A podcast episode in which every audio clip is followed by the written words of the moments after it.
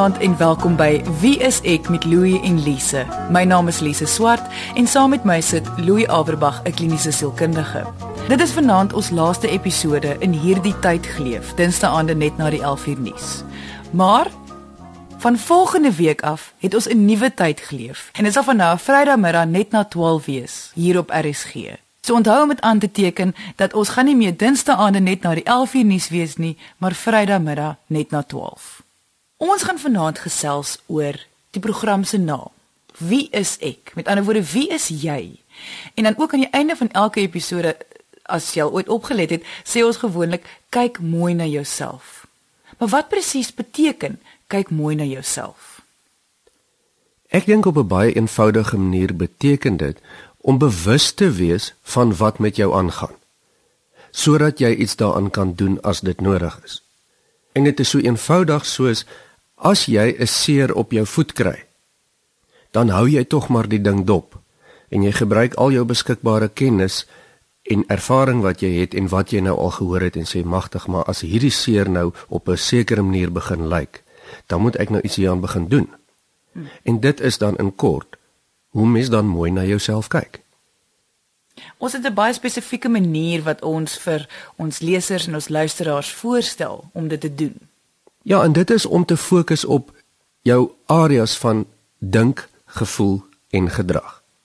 Want dit is nou maar die areas waar uit die mens min of meer bestaan. Met ander woorde, as jy so mooi kan oplet, hoe gaan dit met jou denke? Hoe gaan dit met jou emosies? En hoe tree jy op? En jouself bietjie monitor. Dan is dit nou hoe jy mooi na jouself kyk.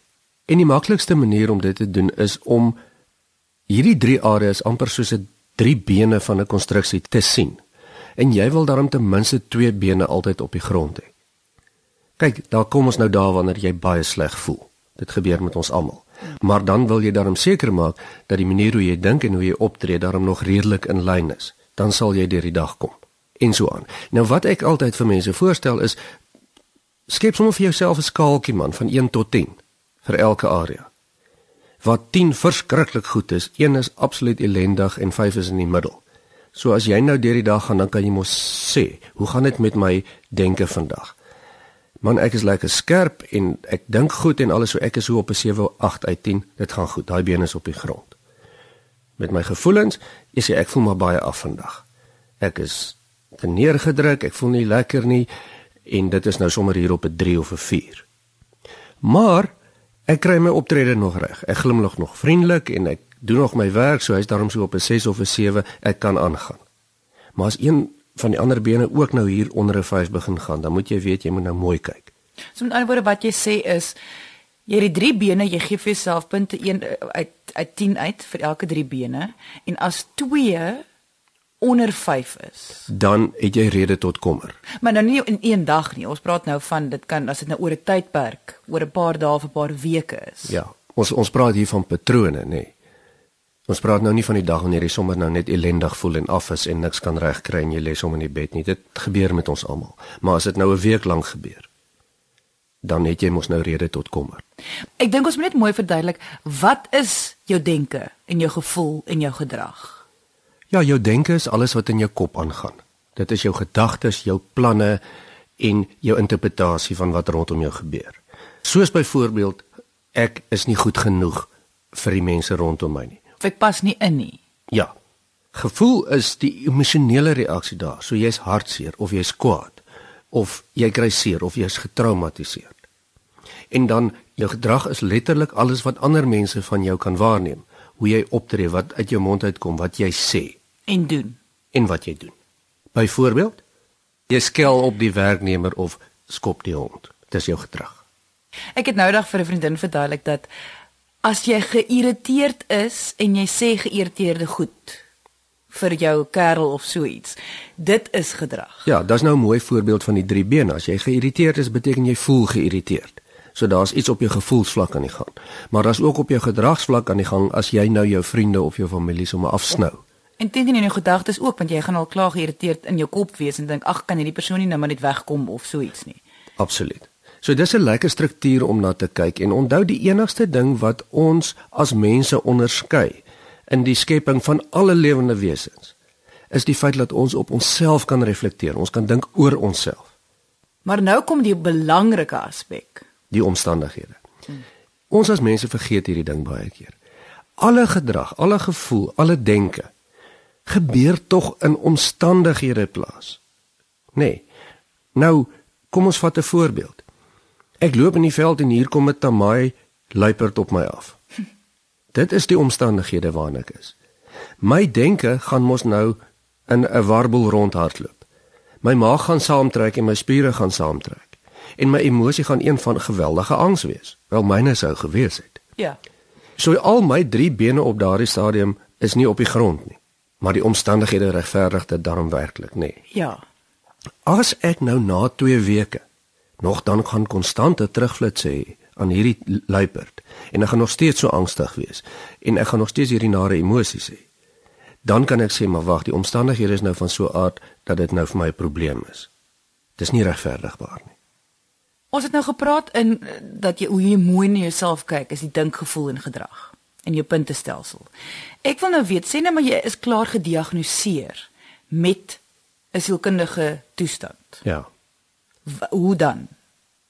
Want dit is dit affekteer tog jou dinkgevoel en gedrag. 'n Toestand affekteer tog jou dink en gevoel gedrag. Kyk, die eerste ding gaan belangrik wees dat jy verstaan en insig moet hê en verstaan hoe hierdie toestand nou van jou jou drie bene van dink, gevoel en gedrag gaan beïnvloed en dan veral die omstandighede, die konteks waarin jy leef, wat die impak daarvan gaan wees. En een van die voorbeelde van omstandighede is jou werkslewe. Wanneer mens gediagnoseer word met iets soos sê maar 'n eh, major depressie, dan beïnvloed dit oor die algemeen altyd jou werkslewe, jou persoonlike lewe, jou verhouding met jou families. As jy 'n kunstenaar is, jou kreatiwiteit. En dit is die konteks, dis die omstandighede wat mens heeltyd moet in ag neem. En wat ons sê, is wanneer jy gediagnoseer word met 'n toestand, gaan dit oor alle omstandighede heen gewoonlik omtrent alles beïnvloed. En mens moet dit die hele tyd in ag neem. Jy moet dit onthou. Ja, jy moet dit onthou, want dit is een ding om op 'n Sondagoggend uh wakker te word en lui te wees en nie motivering te hê en so 'n bietjie later te slaap as gewoonlik nie. Maar dit is 'n ander ding as jy dit elke dag doen en jy moes by die werk gewees het want jou omstandighede bepaal dat jou gedrag ewe skielik nie meer werk nie. In hierdie reeks het ons gefokus op gemoedstoestande. Ons het uh, depressie, algemene angs, posttraumatiese stresversteuring en bipolêre gemoedversteuring. Wat was ons fokus geweest want dit is die mees algemene toestande wat 'n mens kry. Ja, ons het grootliks gefokus op twee tipe toestande: angsversteurings en gemoedsversteurings. Maar daar's baie ander ook. Wat ek nou wil doen is ek wil net om almal te herinner, jy kan dit ook as 'n potgooi elke episode gaan luister op RSG se webwerf. Dit is www.rsg.co.za en die sleutelwoord is geestesgesondheid. Ek sal graag net vir almal wil herinner aan die verskillende toestande. So, kom ons luister na 'n uittreksel uit ons depressie episode. Christel Becker was die gas vir daardie episode gewees. Jy luister na Wie is ek met Louie en Lise. Depressie is 'n mediese diagnoseerbare siekte. Dis 'n siekte net soos wat kanker 'n siekte is of longontsteking 'n siekte is. Daar moet 'n klomp simptome wees voordat jy kan amptelik sê ek het depressie. Maar Christel som eintlik baie goed vir ons op wat major depressie is. Kom ons hoor bietjie wat sê sy. Depressie is 'n siekte soos enige ander siekte. Dit is biologies bewysbaar as ek dit so kan stel dat sekere chemiese stowwe in jou brein nie reg afgeskei word nie.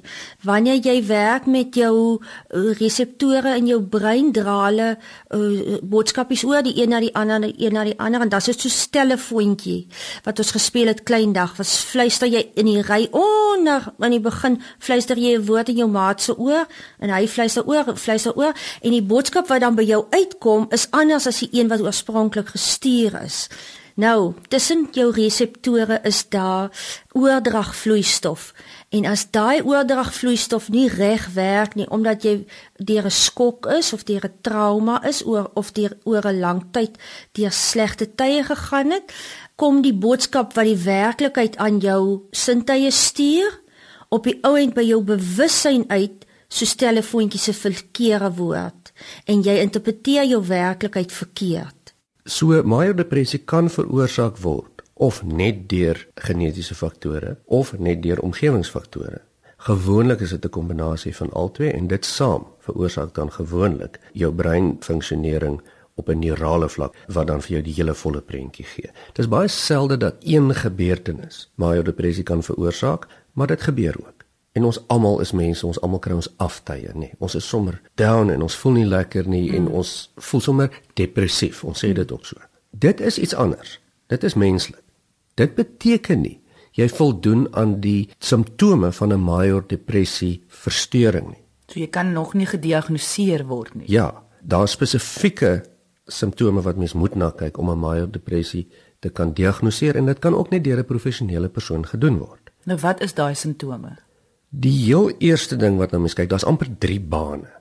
Die eerste baan gaan oor hierdie verskriklike neerslagtigheid. Dit is soos 'n taai donker toffie waaruit jy nie kan kom nie wat jou stadiger maak, jou gedagtes, jou gevoelens, jou bewegings, jy is net down. Dit moet daarom vir ten minste 2 weke aanhoudend voorkom. Voormens kan sê daai baan wat ons nou van praat, hierdie neerslagtigheid. Dis die die afgevoel, die, die afgevoel. swaar gevoel. Ja, en onthou dit is anders as 'n gewone afgevoel wat ons as mense het. Hierdie is 'n donker, swaar gevoel van ek kan niks doen nie, ek wil niks doen nie, ek stel nie belang nie. Die tweede stel, die baan, die tweede baan. Ja, die tweede baan het te doen met 'n kenmerkende afname in belangstelling en genot, ook vir ten minste 2 weke. En hier kyk ons as jy met ander woorde miskien een of twee keer 'n week sport gedoen het, Jy wil nie gaan sport doen nie. Jy wil nie meer met jou vriende sien nie, jy wil nie meer met jou eh, familie braai op Saterdag soos wat jy altyd doen saam met die rugby nie. Jy wil met niemand praat nie, jy wil net in jou kamer bly. So met ander woorde, jy moet kyk na wat gewoonlik vir jou lekker was en wat jy nou nie meer doen nie. Wat ewe skielik gestop het vir 2 weke en jy wil dit ja. nie meer doen. Al was dit 'n private aktiwiteit soos lees en jy het dit vreeslik geniet. Mense het mos verskillende maniere om hulle self te geniet. Hmm. Nou wil jy nie meer lees nie. Hmm. Jy stel nie belang nie. Dit is die tweede baan en is daai onttrekking, daai wegtrek van die lewe af. En dan het ons 'n derde baan van simptome wat ook vir 2 weke moet voorkom. So jy kyk hier na 'n patroon, nê. Al hierdie goed moet eers vir 2 weke aanhoudend voorkom voordat jy kan sê dis 'n patroon van major depressie. En ons wil ten minste 4 van die volgende simptome wil ons hê om te kan sê iemand is diagnoseerbaar.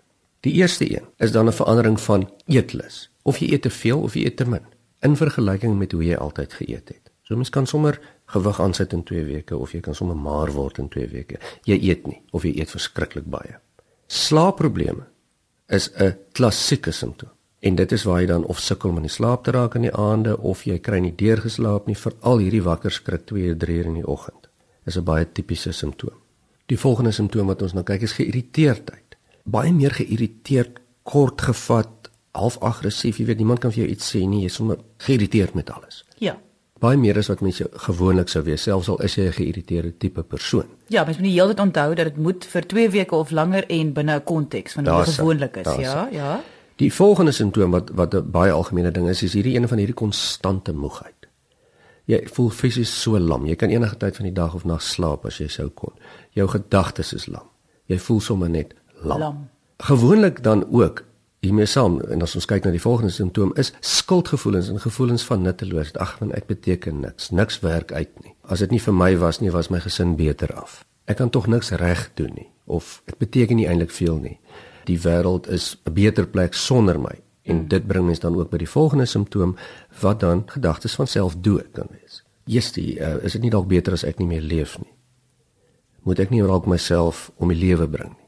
En die laaste simptoom wat ons na kyk is die amper algemene ene van om nie te kan konsentreer en besluite te kan maak nie. Dit is asof jou gedagtes so wegdryf. Die mekaar raak en nie meer raak, ja. ja. En ons het dan 4 van hierdie sewe simptome nodig saam met daai vorige een van daai ongelooflike neerslagtigheid en die onttrekking hmm. en dan het ons 'n major depressie.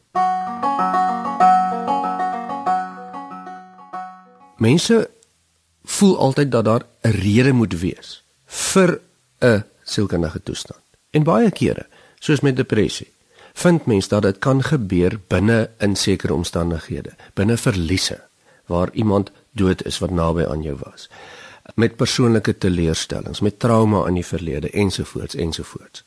En dit is baie keer die geval. Maar dit is ook nie altyd nodig nie.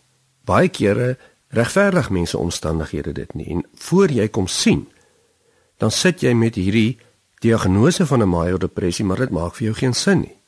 Wat mens daar hoef te sê, daar hoef nie altyd 'n objektiewe rede te wees nie. Daar's baie ingewikkelde biochemiese redes. Daar's baie geneigtheid tot depressie byvoorbeeld wat in die DNA sit en sommer in die 30's uitspring sonder dat daar enige sogenaamde logiese rede hiervoor moet wees. En dit is dan moeiliker vir mense om raak te sien. Mense kan nog verstaan, "Hemel, ek sukkel met hierdie depressie want my geliefde is oorlede 6 maande gelede." Dit is baie moeiliker vir mense om te aanvaar dat hulle met 'n diagnoseerbare psigiatriese toestand kan sit sonder dat daar in hulle koppe ten minste rede is. En as mens nou weer teruggaan na die dinkgevoel en gedrag, nou is jy besig om mooi na jouself te kyk.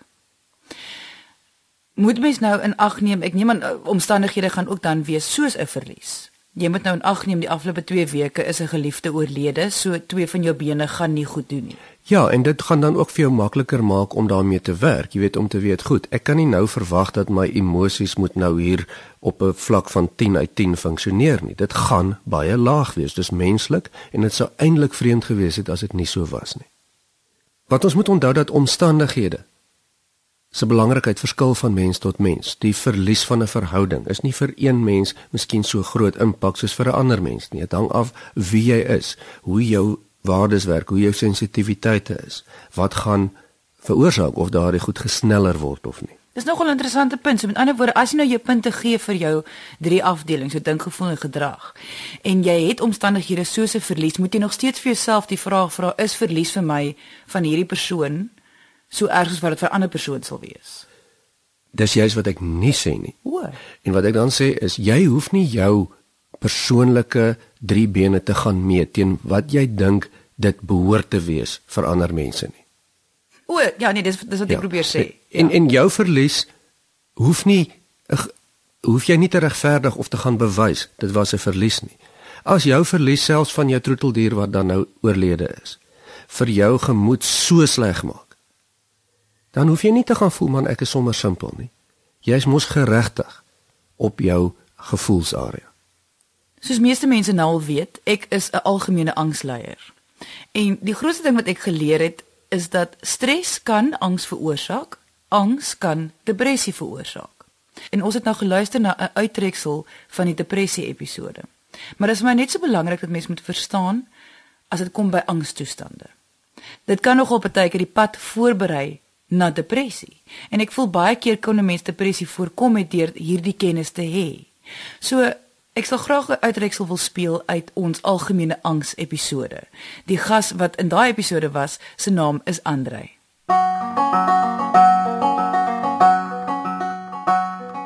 Angs kan baie keer voel, veral op 'n mindere graad, so stres. Ja. Dit jy jy kan dalk maar net voel jy het stres, maar eintlik kan dit al klaar angs wees. En dis nou nie om om die mense nou skrik op die lyf te jaag dat almal dink wat stres het hulle het dalk angs nie, maar ek dink dit is tog belangrik om die onderskeid tussen die twee te verstaan. Angs is weer een van daai goeters wat sneeubal. Hy kleef aan homself vas. Met ander woorde, die bal word al hoe groter soos die tyd aangaan. En as jy nie aktief hierdie ding bestuur soos wat ons hoor Andrei doen nie, is die kans baie goed dat dit net erger en erger raak met die tyd. Ja, die simptome wat ek ervaar het, ehm um, was uh, eerste plek 'n uh, geweldige ongemak. En daai ongemak kom van van binne. Dit voel asof iets binne jou kriewel. Soos iets vreemds wat jy nie kan plaas nie. So natuurlik uh, geweldige nek nekpynne, jy weet skouerpynne, natuurlik versnelde hartspoed, oormatige sweet, angsaanvalle wat jy dink jy is besig om dood te gaan. Ag, dis dis soveel goed, jy weet, uh, jy weet 'n ongemak. Uh, dan kry jy ook, jy weet, uh, lighooftigheid, jy weet, uh, jy versnelde asemhaling en dan gepaard gaan daarmee is dat jy ook nie diep asem nie. Dit is baie oppervlakkig wat jy asemhaal. En dis normaalweg wat dan nou ook, jy weet, angsaanvalle meebring. Die ironie is dat in hierdie in hierdie geweldige fases van van hoe angs uh gaan daar in my gedagtes ek kan dit ook nie eintlik beskryf nie. Jy weet dit is asof jy die leë dop is. Jy weet jy jy verloor in in 'n sekere mate jou vermoë om te dink. Maar jy voel uh, wat 'n ou sal van praat as 'n zombie. Jy jy dink amper nie. Jy ervaar jy ervaar al die emosies dit gaan deur jou maar jy soos ek sê jy jy's totaal afgestomp. As mens na simptome kyk en ons weet om aan iets gediagnoseer te kan word, soos enige siekte toestand, moet jy aan 'n spesifieke lys van simptome voldoen. Jy kan nou nie gaan sê as jy vir 'n week lank 'n vaar onrustige gevoel gehad dat jy 'n algemene angsversteuring ly nie. Ons almal ken dit, maar dit is nie 'n diagnoseerbare toestand nie. Nou die simptome is 'n lys van simptome wat vir ten minste 6 maande moet voorkom. 6 maande. Ja, ons wil terugkyk na 'n persoon wat gediagnoseer word met algemene angs en sê, het dit darm oor die afgelope 6 maande ten minste kronies so voorgekom? Voor ons kan praat van 'n algemene angsversteuring. En algemene angs gaan absoluut presies oor wat die naam sê. Dat daar 'n va onrustige gevoel binne in jou is. En Andre sê dit mooi vir ons, dis binne in hom van iets is verkeerd, iets slegs gaan gebeur, die onrustigheid, die antisipering, wanneer gaan dan nou weer iets gebeur? Jy kan amper nie asem kry soos wat jy wag vir die volgende ding om te gebeur nie. Dit is algemene angsversteuring. En ons kyk na 'n paar simptome waarvan ons aan 4 moet voldoen vir ten minste 6 maande. Die eerste een is natuurlik die gebrek aan konsentrasie. Dis die eerste ding wat gaan met algemene angs. Sukkel om te konsentreer, sukkel om op goeters te fokus. Jy weet jou alledaagse werk as dit studies is of net jou gewone take in die dag. Jy sukkel om lank jou aandag daarby te hou. Die tweede simptoom waarna ons kyk is die geweldige algemene geïrriteerdheid. En dis iets wat jy op jou lyf voel.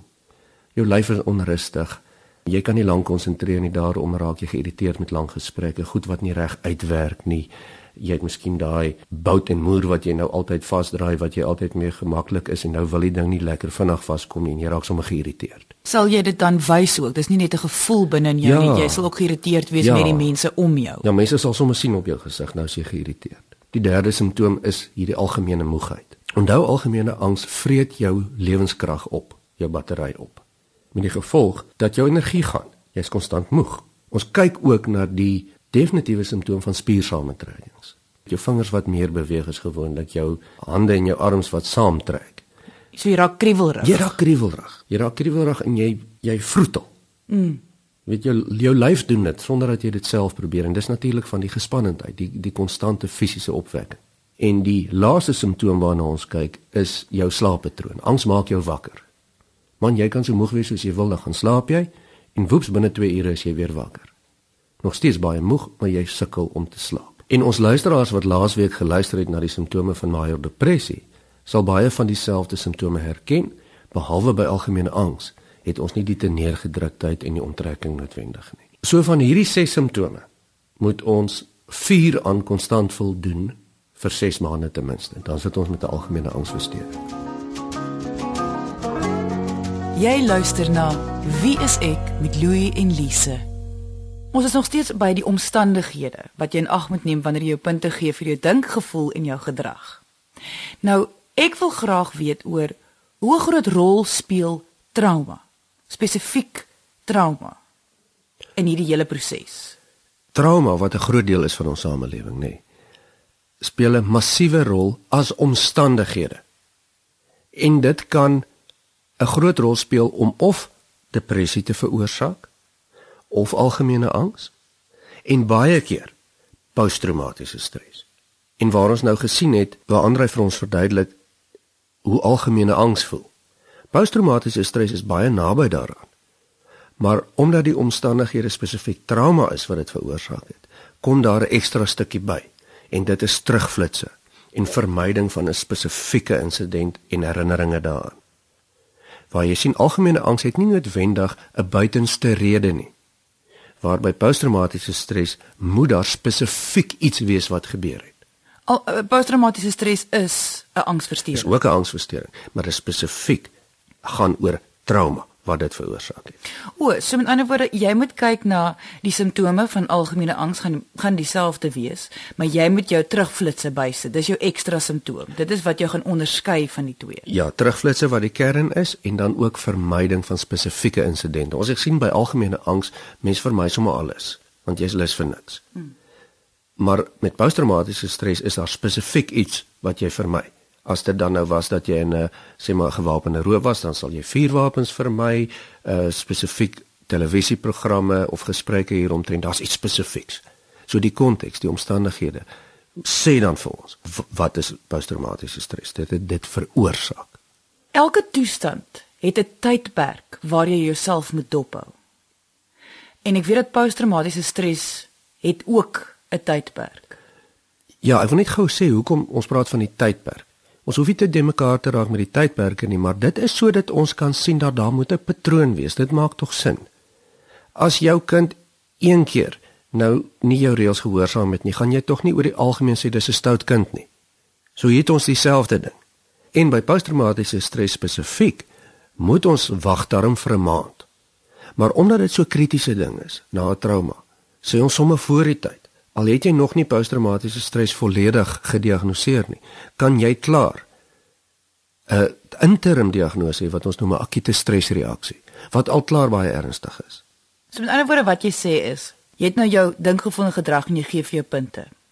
Jy verstaan, jou omstandighede is jy het trauma deurgegaan of dit nou 'n verkrachting ja. was of 'n gewapende roof of so iets. Dis jou omstandighede. Ja. So jy besef, jou bene gaan nou daai drie bene gaan nie sterk wees nie want dit is jou omstandighede. Maar na 'n maand, ek neem aan as die bene begin as een van die bene of selfs twee begin verswak, so jy punte raak al hoe laer en dit hou nie op nie. Dit raak nie beter nie. Dan moet daar vir jou begin rooi ligte aangaan. Ja, want nou raak jou bene geroes, hulle begin swakker raak en hulle kan dalk breek.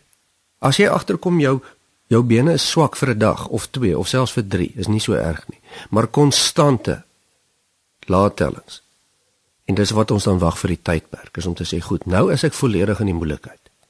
Ek het nou 'n ernstige diagnose of 'n ernstige probleem hier, sê maar van posttraumatiese stresversteuring.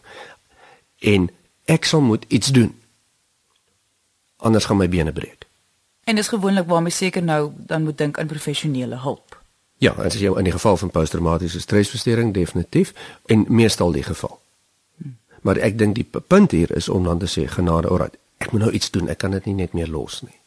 Die vierde gemoedversteuring waarna ons vanaand gaan luister as 'n uittreksel van een van ons episodes is bipolêre gemoedversteuring. 'n Nogal algemene toestand in Suid-Afrika en vir baie mense moeilik om te verstaan. Verstaan is sommer sit dit sommer so saam in 'n hok saam met depressie en ons sit angs en posttraumatiese stres saam in 'n hok. En en dan sal ons verstaan dat depressie beïnvloed jou gemoed en bipolêre gemoedstoornis beïnvloed ook jou gemoed. Angs en posttraumatiese stres is vir al angsversteurings. Ons gas wat ons gehad het in in in ons bipolêre gemoedstoornis episode was Elsabie Brits. Sy's 'n bekende joernalis in Suid-Afrika en ek het net haar uittreksel van hoe sy verduidelik wat bipolêre gemoedstoornis is gebruik want sy verduidelik dit so goed. So kom ons luister weer daarna. Dit is nie depressie nie. Want ek het nou al baie keer dan skryf ek oor iets en sê hulle dit is so mooi geskryf oor die depressie. Depressie is net so ernstig. Maar dit is nie depressie nie. Depressie is deel van dit. So nou nou eers dit uit die weg uitruim. Bipolêr is 'n siekte wat jou gemoedstoestand aantas. So hoe jy voel, weet, voel jy goed, voel jy sleg, maar tot die extreme. So as mens nou dink oor jouself, nie een van ons voel heeltyd gelukkig nie. En heeltyd hartseer nie. Maar as jy nou self vir jou kyk en jy dink aan daai daai hartritme monitor wat so klop, piep piep piep, hy gaan mos nou so op en af. Wat bipolêr aan jou doen is jy gaan tot die extreme daarvan. So jy kan verskriklik eufories voel. Dit is eintlik 'n toestand van 'n uh, baie hoë energievlakke ook. Jy praat baie vinnig. Ehm um, jy kan vir die gevoel van grandeur hê. Dit is gebrek aan konsentrasie in die een punt dat jy nie op een ding kan fokus nie, maar jy is eintlik ook so gekonsentreerd op iets. So dis baie moeilik om dit dit dit te sê. So dis die manie wat jy kan kry. Dit is jou tipiese ehm um, Duracell bunny wat jy nou gaan opwen en hy hardloop die hele tyd rond maar hy kry een ding gedoen nie.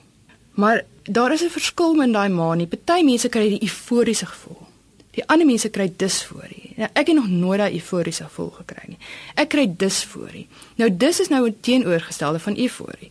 So myne is baie baie hoë vlakke van angs en erge erge irritasie en sensitiwiteit vir klank en vir lig en vir geraas en vir eintlik mense om my.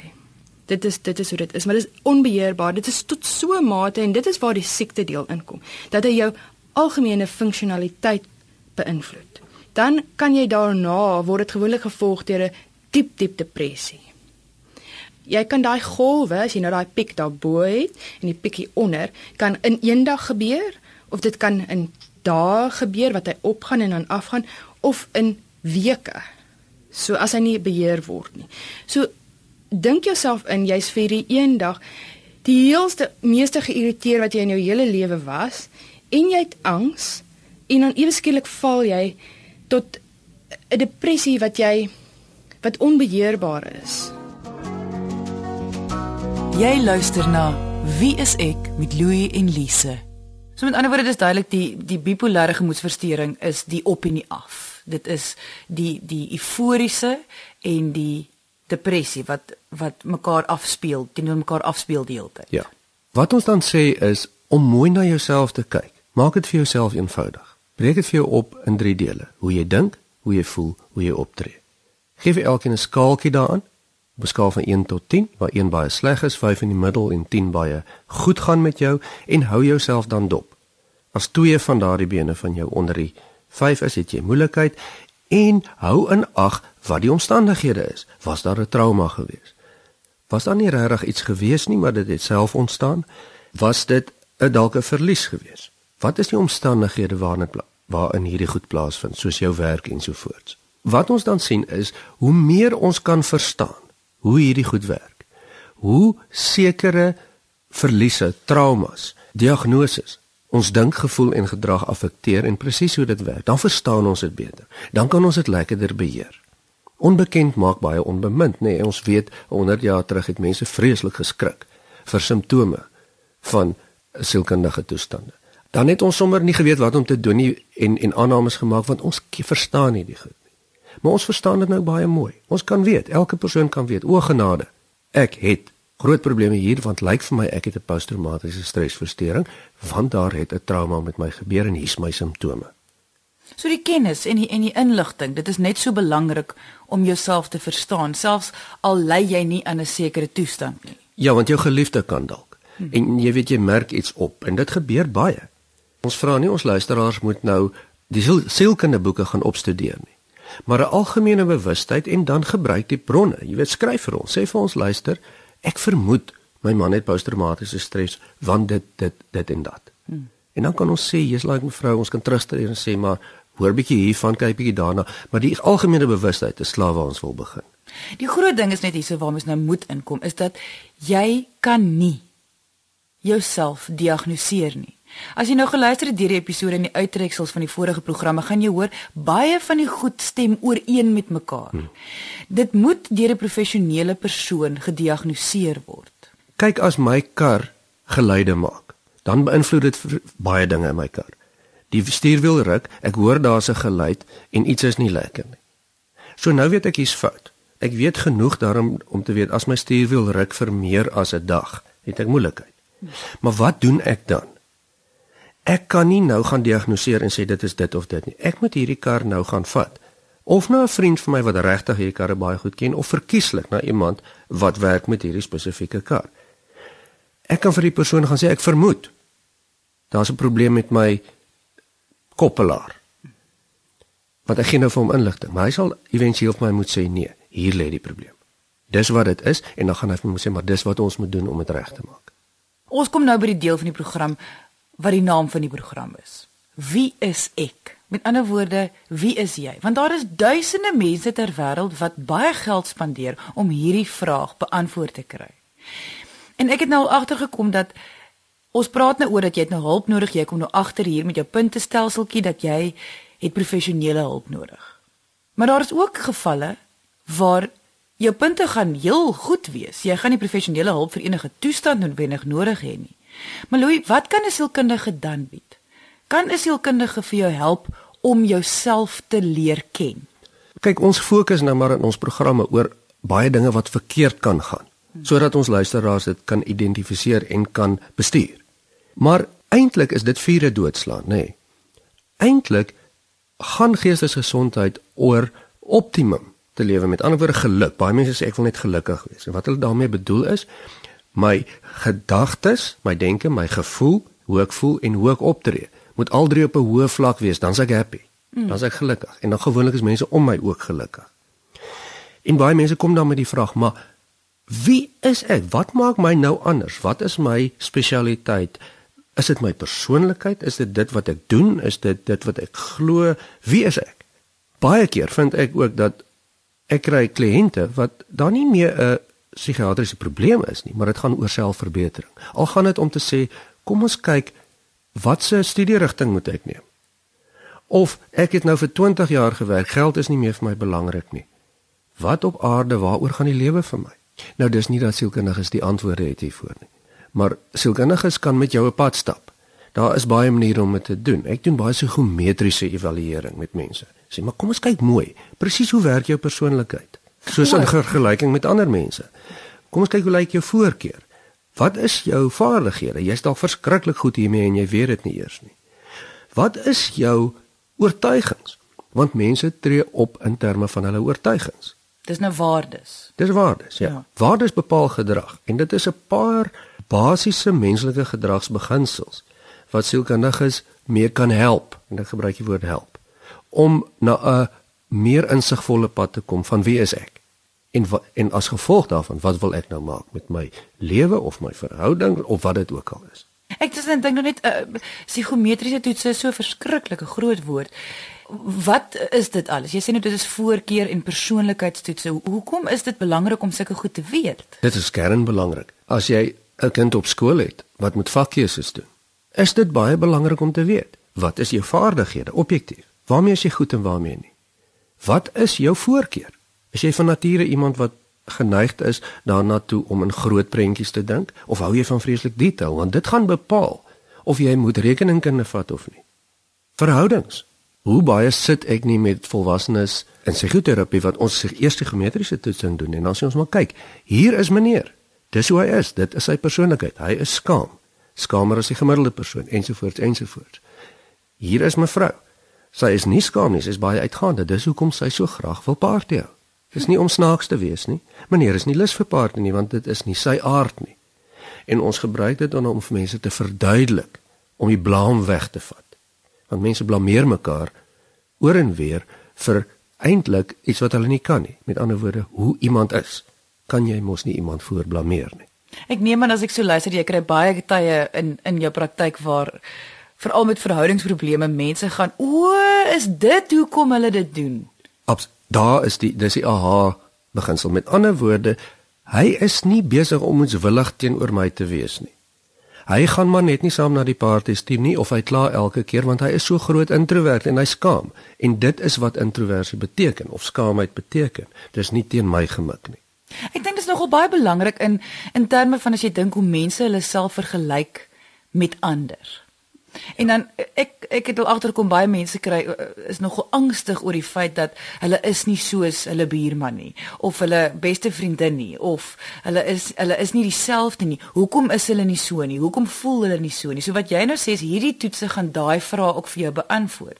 Jy is wie jy is en dit is hoe jy is teenoor die ander. Ja. Nou daarmee sê ons nie ons kan mense so maklik in in boksies of in definisieetjies insit nie en dis ook nie die poging nie. Maar ek dink ons moet almal 'n basis hê waarvan ons kan werk om te sê luister man, ek is 'n introvert. Ek is een gebore, ek is nou nog een en ek gaan een doodgaan. Wat dit beteken is dat my energie getap word deur ander mense. Ek is nie skaam daaroor nie, dis nie reg nie, dis nie verkeerd nie, maar ek gaan nie 'n werk volg waar ek konstant sosiale funksies moet bywoon nie want ek hou nie daarvan nie. Dis nie omdat daar iets is verkeerd met my nie. Is daar wel iets verkeerd met mense wat nie hierdie vraag vra nie? Natuurlik nie. Natuurlik nie. Elke persoon het mos die reg om sy of haar lewe te lei soos sy of haar wil of hy of sy wil om dit te ondersoek as hy of sy wil.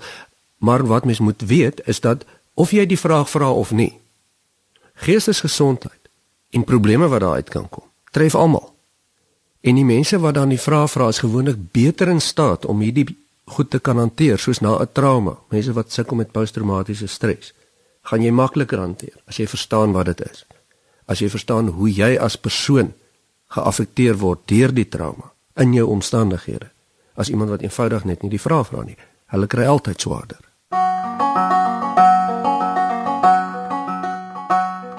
Die gemoedstoestande en die angstoestande wat ons nou bespreek het in vanaand se episode. Wat ons vir almal probeer die heeltyd sê is, dit is nie wie jy is nie.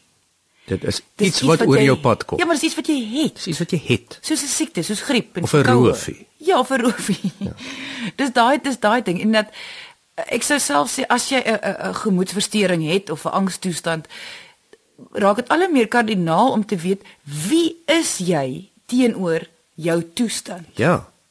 Sodat jy weet daai 2 weke wat jy in 'n diep donker gat rondloop. Dis nie eintlik hoe jy is nie, dis nie wie jy is nie, dit is as gevolg van iets wat met jou gebeur het en eksterne simptome wat nou oor jou neergedaal het.